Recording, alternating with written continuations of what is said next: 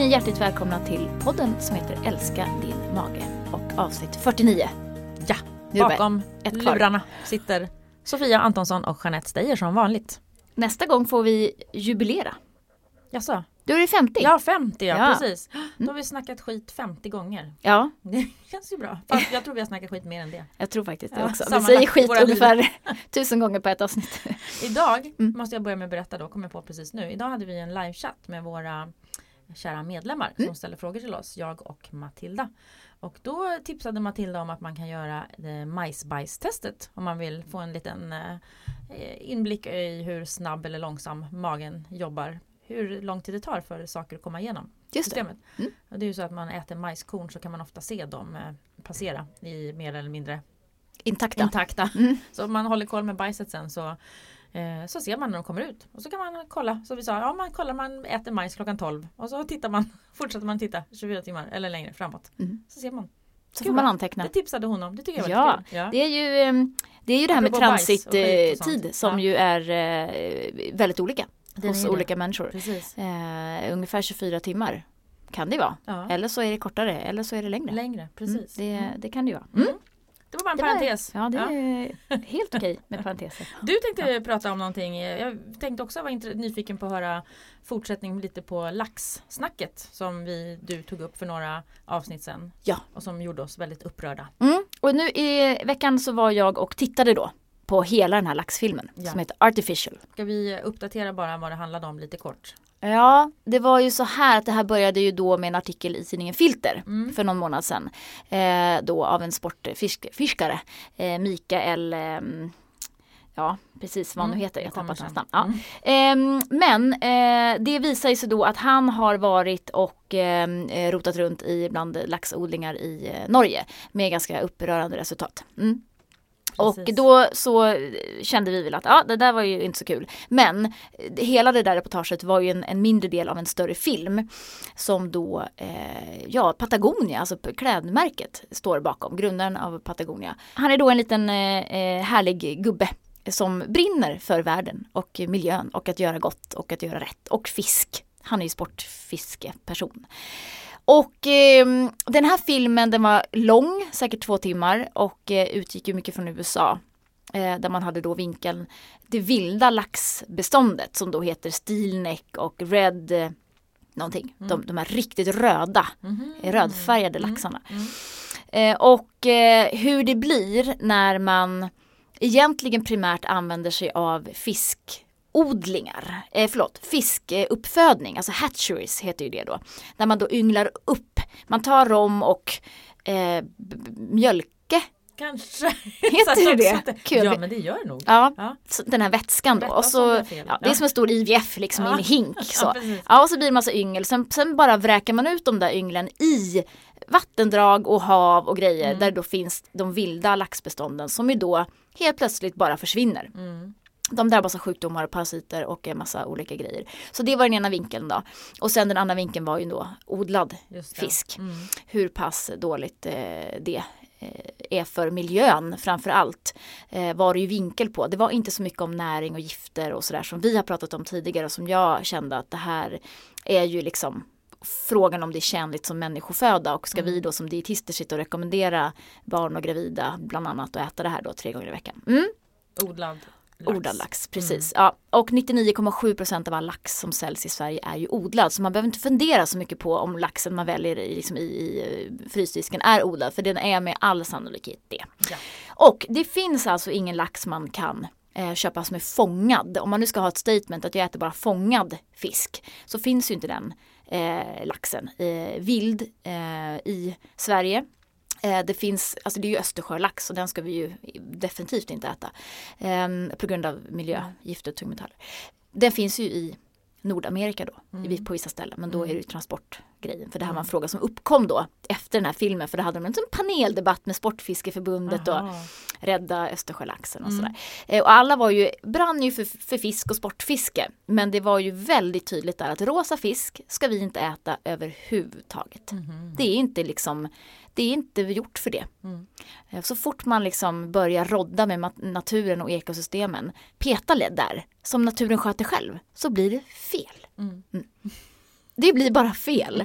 Alltså det är det ena. Mm. Och sen är det ju det andra då, det här, det här näringsaspekten. Och då har ju Mikael varit i debatt med Livsmedelsverket på P4 Uppland här Mm. för någon vecka sedan. Det kan man gå in och, och lyssna på. Han är ju av en uppfattning och Livsmedelsverket är av en annan uppfattning. Och det handlar ju om att vi måste få till vettiga analyser på den här nordodlade norska laxen. För att det, det, det måste göras några liksom objektiva eh, analyser. Nya analyser. Och Ja. det tänker jag, det kan ju inte vara så svårt att liksom köpa ett gäng lax och så får någon, eh, något laboratorium göra analyser på vad den innehåller. Exakt. Ja. Och sen är ju då det andra aspekten att nu, nu har man ju fiskat ur haven eh, mycket kring då eh, Sydamerika eh, och också även i Östersjön med sill och, och, och makrill och eh, förlåt, sill, strömming och ansjovis som ju Mm. är då beståndsdelen i maten till de här odlade laxarna. Och då börjar man använda sojafoder Mhm. till dem istället. Mm. Mm. Det känns inte helt okej faktiskt. Nej, Och det är ju Mm. dels ur ett miljöperspektiv Ja. så är det ju liksom jättedåligt. Ja. eh, skövling av skogar sådär. Och sen är det ju också så att om laxen, laxen har ju den naturliga födan, det är ju krill. Mm. Det är den som är längst ner i näringskedjan. Mm. Och det är krillen som innehåller omega-3.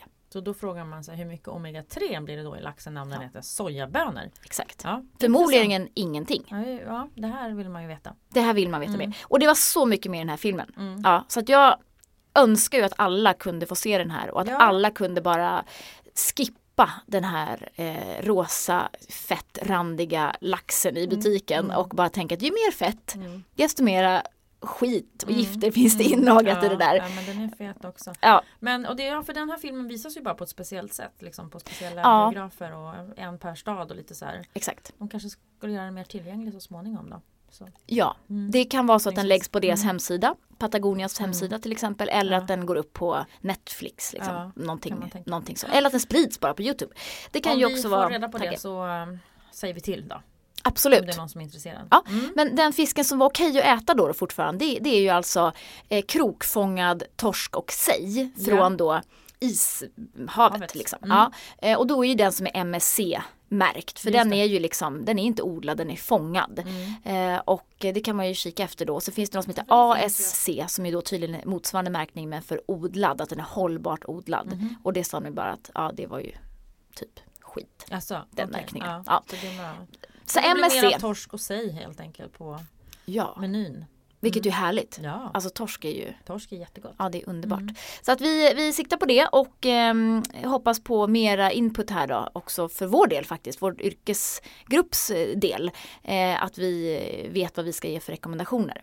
Eh, jag fick en, eh, en bild till sen från någon tjej någonstans i, om det var eh, i Göteborgsområdet som hade fått information från sin BVC, eller MVC kanske det var, mödravårdscentralen om, om introduktion av, av mat till barn och då stod det att eh, norsk lax är en delikatess, numera helt fri från tungmetaller och miljögifter. Oj. Och då kan man känna att ja, Hoppas det då. jag hoppas Ja. verkligen det, att de har på fötterna där, för jag tycker det är ganska hemskt att ge det tipset då Ja. till, till eh, små barn som ska börja äta föda. Eh, Så vi, jag lovar att jag ska återkomma med kommentarer från eh, Livsmedelsverket jag ska äska pengar då hos Patagonia Mm. för att göra de här analyserna. Ja, Ja, bra där. tack. Ja men Sofia, du är ju lite i gasen här idag och brinner för lite olika ämnen. Ett annat ämne som jag vet att du brinner för det är ju det här med tarmbakterier. Det gör väl du också hoppas ja, jag? gud ja. Herregud. Ja, men du har en låga som brinner. Okej. Ja, ja. Och om ni hör någon mage som kurrar under den här sändningen så är det min mage som har igång i tarmbakterierna. Du har äntligen fått IBS. Jag har äntligen fått IBS. Ja. Det är precis, Ja. jag vet hur det känns nu. Då har jag ett program du kan gå. Åh vad fint! Och en kostbehandling jag kan Ja, följa. ja. Härligt. Nej men eh, vi har ju fått en fråga faktiskt. Eh, omkring det här eh, och tarmbakterier och eh, nämligen omkring mera specifikt Stig Bengmark och hur han brukar prata och uttala sig om FODMAP. Och det var lite diskussion i våran Facebookgrupp. ja. Utred Sofia Antonsson. Ja, alltså jag vet inte var jag ska, var jag ska börja någonstans men eh, det här, den här frågan har kommit upp flera gånger. Mm. Och det har ju också att göra med, med eh, Food Pharmacy och eh, där Stig Bengmark då är kopplad och deras ja vad ska man säga, filosofi. Mm. För det är ju en, en väldigt speciell filosofi. Eh, en, en anti-inflammatorisk filosofi och en balansera din tarmflora filosofi. Och jag vet att många som hör av sig till oss eh, och har lyssnat kanske inte bara på, på dem men på flera andra håll. Ja men de sa det här och hur går det ihop med FODMAP och jag förstår ingenting och, och jag provade det och jag, liksom, det blev jättedåligt och hur ska jag tänka? Och då behöver vi nog reda ut lite grann vad ehm, eh, vad det är som är vad. Eh, Stig Bengmark är ju i grund och botten, eh, han är ju kirurg mm. eh, och eh, är ju faktiskt 90 år. Han är ju gammal mm. och eh, har ju gjort något rätt uppenbarligen mm. i sitt liv när det gäller kost. Mm. Eh, han är ju liksom Han själv menar du? Ja, ja men det har han ju. Han är också, han är ju pigg och han är liksom eh, är ju otroligt aktiv. Ja. Det ska man säga. Han är väldigt aktiv på, på jag tror han bor i London mm. Eh, och är på Svenska Dagbladet som krönikör och han är liksom på lite andra ställen och sådär. Han kommer med mycket kontroversiella uttalanden ju om tarmen och, och så vidare. Och då säger han ju väldigt eh, eh, tydligt att de där FODMAP-listorna de kan ni ta och slänga papperskorgen. Mm. Och då är det klart att många blir lite oroade. Mm. Så här, mm. Oj, han sa det, vad är det här farligt och dåligt då? då? Ehm, och då Varför måste säger vi... han så då? Ja men alltså han är ju jag tänker att vi börjar lite två, på två olika håll här. Mm. Ja, um, vi jobbar ju med människor som har en diagnostiserad sjukdom. Det har blivit fel mm. i tarmen. Mm.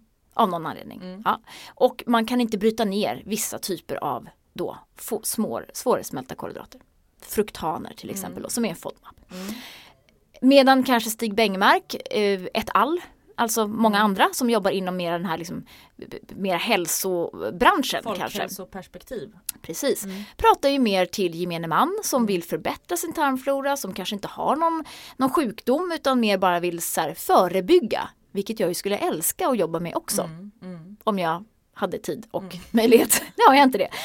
Um, och då blir det ju lite en annan approach. För vi måste ju då eh, förstå vad det är som händer i tarmen när man har IBS och varför man reagerar på de här svårsmälta kolhydraterna och kontra då man är, har en, kan man säga, en normal frisk tarm. För det är ju ändå det vi kan jämföra med. Mm. Och det är väl där lite grann vi står. Eh, att råden till IBS drabbade då, det är en vetenskaplig sjukdomsspecifik kostbehandling vi mm, har. Mm. Och rådet till normalfrisk population som inte har något problem, bara vill optimera tarmfloran är något helt annat. Precis. Mm. Och då handlar det ju väldigt mycket om eh, vår tarmflora och hur den har utvecklats med tiden och hur vi då i västvärlden har blivit allt ja, men artfattigare. Alltså mm. mångfalden bland tarmbakterierna har minskat och minskat och minskat och minskat. Och det kan ju ha att göra med, eller det har att göra med vårt, eh, vårt intag av processad mat och vår livsstil, stressen, sockret. Det har att göra med antibiotikan, att vi reser med, alltså det har att göra med en massa olika saker. Renligheten, att vi bor på, i stan istället för på landet. Mm. Det är liksom Mycket som spelar in där. Ja. Mm. Och då är det klart att saknar man då vissa typer av bakteriestammar som inte, som egentligen då skulle kunna bryta ner de här fruktanerna mm. till exempel som ju då är eh, jordärtskockan eller löken och vitlöken eller sådär. Mm. Då, då blir det ju problem. Har man inte de stammarna i tarmen på grund av att de har försvunnit av någon anledning eh, då kan man få problem och då har man kanske en IBS. Har man inte det, man har de här stammarna i tarmen, så är det ju jätteviktigt och bra att äta lök och vitlök för att få de här mm. stammarna att växa till ännu mm. mer. Mm. Men är de redan borta mm. så är det svårt att få tillbaka dem. Mm. Men i alla fall, och, och, det är ju inte bara så att saknar man stammarna så har man IBS utan det är ju en Nej. kombination då av, också av andra saker. Eh, att man just har den här kanske ökade smärtkänsligheten och, och, fel i signaleringssystemet och hur allt det här hänger ihop det vet vi inte riktigt Nej. ännu. Eh, men, men det är ju kombinationen då att just när man eh, inte har den typen av bakterier och man reagerar, inte kan bryta ner, det blir upplåst, det blir gaser, mm. det blir eh, avföringsrubbningar och så har man samtidigt de andra faktorerna med också. Precis. Och så kan det bli det här olika grad då. då. Det kan det ju bli. Mycket besvärande det blir. Ja, och då vet vi att gå på med ett probiotiskt preparat för att liksom då täcka upp för de här stammarna man saknar. Det kan ju ge lindring, där vet vi ju ännu alldeles för lite. Hittills har vi ju inga preparat som, som har någon evidens vid IBS, någon stark i, i, evidens i alla fall. Ehm, och ehm, eh, då, då tänker jag att, att vi måste kanske se till så här, vad, vad är det vi kan äta nu då för att göra det bästa av situationen. Mm. Om man har IBS, om man inte har IBS. Mm. Eh, och vad kan man göra har man, har man inte IBS då behöver man äta mycket av de här fruktanerna Mm. för att göda de stammarna så att inte de försvinner. Mm. Och har man då IBS så får man äta andra prebiotiska fibrer Mm. som ändå göder de stammar man faktiskt har. Mm. Och probiotikan stannar ju ett tag i tarmen Mm. och sen så försvinner den ut. Så det är liksom det är lite tidigt än så länge tänker jag att, att uttala sig om Mm. det här området. Men när man då säger släng FODMAP-listorna i soptunnan för att det här är en onödigt begränsande kostbehandling Mm. så tänker jag att det är ju det vi jobbar för att, att många som kommer till oss är ju väldigt begränsade i sitt intag. Och när man då lär sig och förstår och ser sambanden och får kopplingarna och verktyg och redskap och känner att ah, nu fattar jag. Då kanske det handlar om tio livsmedel som man faktiskt behöver utesluta. Och sen lär man sig om mängderna och det är ju det man lär sig mycket Ja. mer och förstå. För att ofta precis som du säger så har man tagit bort massa saker. Man äter ingen lök och vitlök och inga, eh, inget bröd alls. Mm. Men då lär man sig kanske att förstå att ah, jag kan äta lite av det här och lite av det här. Och så kan man liksom börja och återinföra och, och, och börja föda tarmbakterierna i, igen då. Precis. Men, eh, men det är ju en kostbehandling i flera steg. Det tjatar vi om gång på gång på gång. Ja. Eh, och det är liksom också lite för lätt att tycker jag avfärda och säga ja, men släng FODMAP-listorna i soptunnan och Mm. börja ät. Liksom, Mm. de, börja göra dina tarmbakterier. Ja Mm. men om man har så ont i magen, så mycket smärta eller man Mm. har tio diarréer om dagen. Ja. Eh, liksom, då, då är inte det läge Nej då blir det ju sju resor värre om Ja. man försöker sig på, på det som, som han förespråkar. Det är ju, så blir det ju. Sen Mm. kanske man, det handlar om att man får då stå ut under en period men det är ju faktiskt vår erfarenhet Mm. att man vänjer sig inte vid lök och bönor och jordärtskocka. Det är otroligt svårt och nästan ett heltidsjobb skulle jag kunna säga Mm. för att få ordning på Mm. sin tarm då om man nu överhuvudtaget lyckas. Och sist jag träffade Stig, jag har inte någon personlig kontakt med honom och jag menar inte att det är liksom någon, någon schism här utan han kör sin grej jättebra. Vi gillar ju alla som lyfter tarmen och tarmfloran verkligen. och kosten Mm. så det är ju jättebra. Men man får förstå vilka man riktar sig till och vad FODMAP riktar sig till. Ja, och hur precis. den ska göras på rätt sätt. Exakt. Och jag tänker att Stig själv verkar ju äta mjölkfritt, glutenfritt, sockerfritt och mat som är, inte är uppvärmd då till mer än, vad det nu, 37 grader kanske något sånt Mm. där. Det för mig är ju en väldigt begränsande kost. Mycket mer begränsande Mm. än vad FODMAP blir i slutändan när man har gjort klart hela den här Ja, behandlingen. precis. Mm. Så det, det här vi är ju liksom det första. prova då om vi vill bli 90. Då får vi köra. Då får vi köra. Men jag, jag tänker mer så här, och som vi pratade om lite tidigare här, att okej vad kan man göra åt det här då? Hur kan man optimera eh, kroppens förmåga att ta hand om eh, inte bara fruktaner utan alla de här prebiotikan som är så bra för tarmbakterierna. Och då måste vi ju, kom vi överens om, börja tidigt. Mm. Och vi vet ju att tarmfloran, koloniseringen av den, det är ju första två och ett halvt året Mm. som det är absolut viktigast Mm. att se till att barnen får i sig rätt mat Mm. Och rätt bakterier faktiskt också. Så att Mm. man exponeras för, för olika sorters bakterier. Det med att hålla på och sprita händer på barn. Liksom. Det kanske man inte ska hålla på med så mycket. Nej, det tror inte jag ett dugg Nej. på. Nej men det ser man ju ibland. Ja. Barn som sitter i barnvagn och så står föräldrarna och spritar händerna och håller Mhm. på och grejer. Har jag sett några gånger. Mm. Här i storstan. Nu borde jag vara tyst eftersom min son precis har fått springmask. Känner jag själv. Ja men du ska, och han ska sprita händerna framförallt. ja, Men- verkligen. Nej men Ja. den här överdrivna som vi har pratat om tidigare. Den här överdrivna rädslan liksom för att eh, ja, bakterier, man, som du säger, man måste Ja. utsättas för det. Ja. Men, men då är också lite som du är inne på det spåret att eh, för oss är det kört. Ja. Vi, har, vi har en utarmad tarmflora. Men våra barn och unga, vi, där måste vi jobba hårt på att inte det här fortsätter. Eh, och ge dem mat och varierad kost och eh, inte allt för mycket eller inte så mycket av den här skräpmaten. Nej. Och Inte ge efter de där köttbullarna och Utan- makaronerna. nej. Vi är sponsrade av Dåfilus, denna fantastiska yoghurt som numera finns i fyra olika smaker. Naturell, blåbär, hallon och vanilj. Mm. Och med tre tillsatta bakteriekulturer som gör ju riktigt gott för magen. 2,5 deciliter tycker vi är lämpligt att eh, äta varje gång. Och nu är det ju sommartider snart. Och då är ju Dåfilus till lunch. Det är våran favorit. Ja, det är Äta verkligen vår favorit. Fil och yoghurt och sådana saker till lunchen. Mm. Verkligen. Ja. Prova den. Vi är också sponsrade av det glutenfria havrebrödet Oats. Som vi ju tycker är fantastiskt. Framförallt eftersom det är FODMAP lågt. Ja, det Ja. också. Mm. Och nu så börjar det komma igång här faktiskt. Nu Mm. sprids det eh, då eh, ställena där det finns eh, här över Sverige. Mm. Hittills har det varit mycket i Skåneområdet. Malmö och Helsingborg och Ängelholm och överallt där. Eh, från och med den här veckan då eh, så finns det ju i eh, ICA Maxi-butiken i Solna i Stockholm. Mycket Ja. bra. Och det här utökas ju hela tiden. Mm.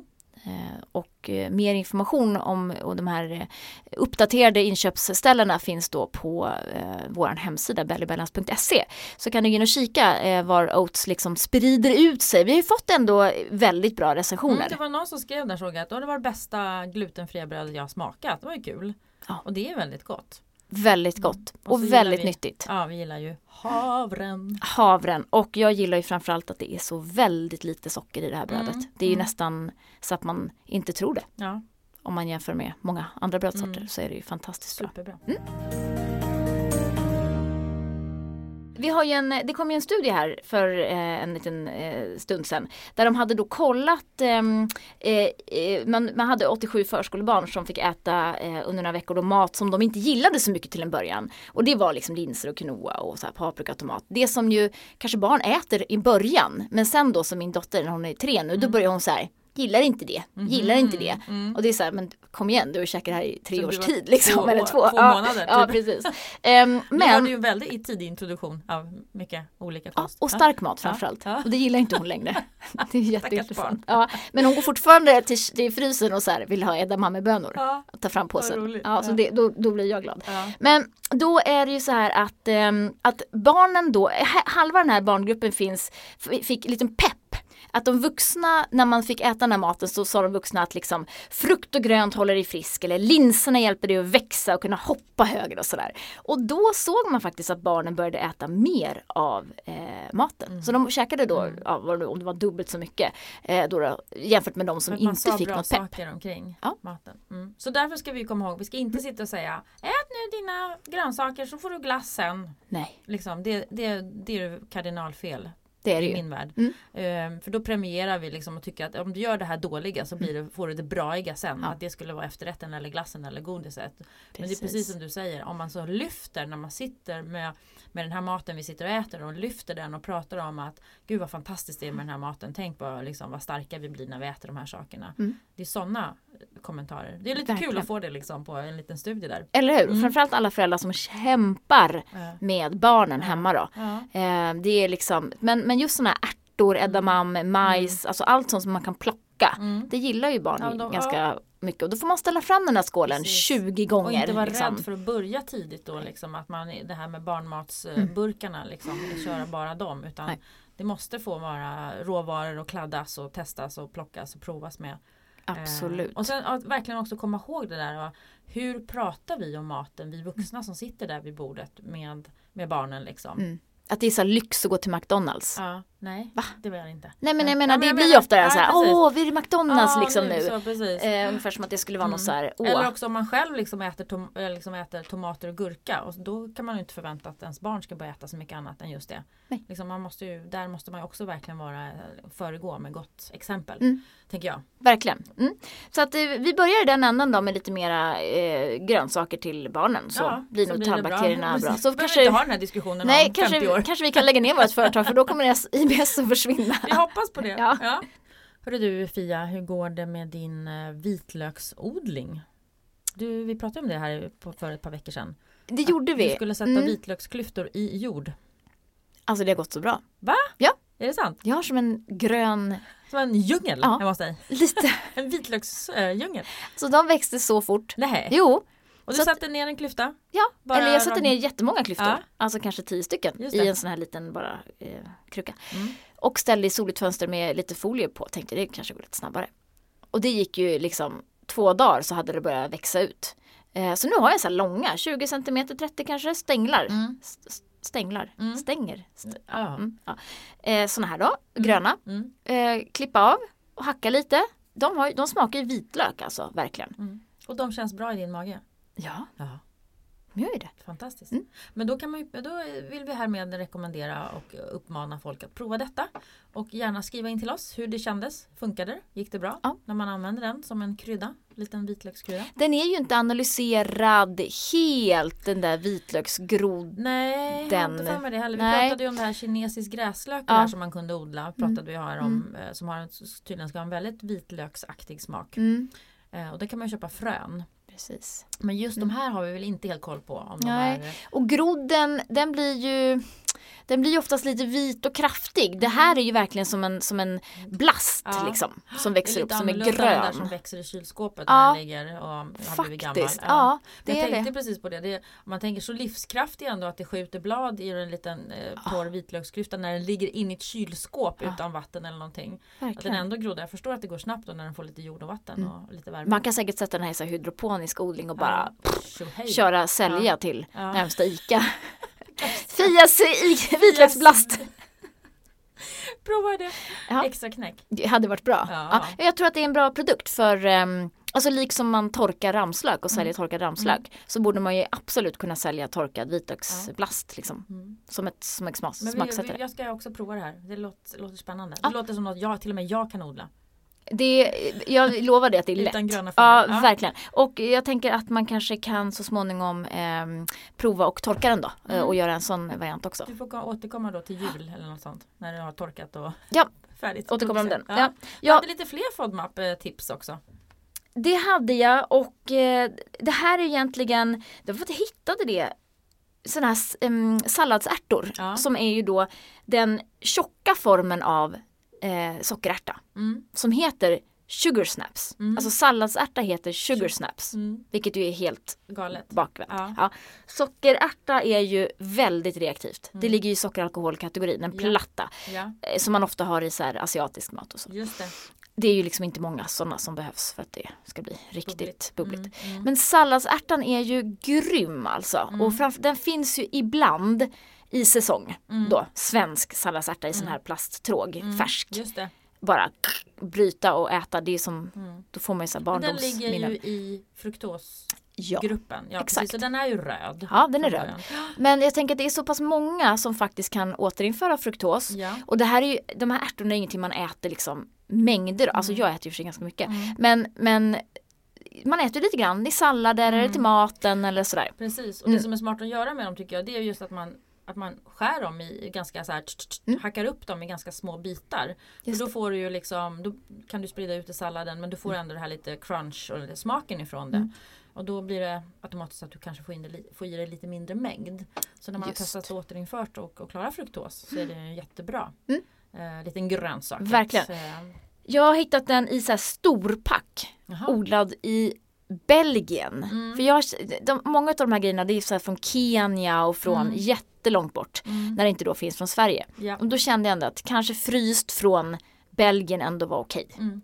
Det tog du. Det tog jag. Ja. Så att eh, man, man kan prova. Eh, Jättegod och, och bra, väl, alltså apro- apropå det här med tarmbakterier. Mm. Så är ju det en riktigt bra liksom, Mm. tillskott, en prebiotika för, för tarmbakterierna. Om man kan äta den. Verkligen. Och nu vill jag också passa på att tipsa om en annan sak som jag kom på.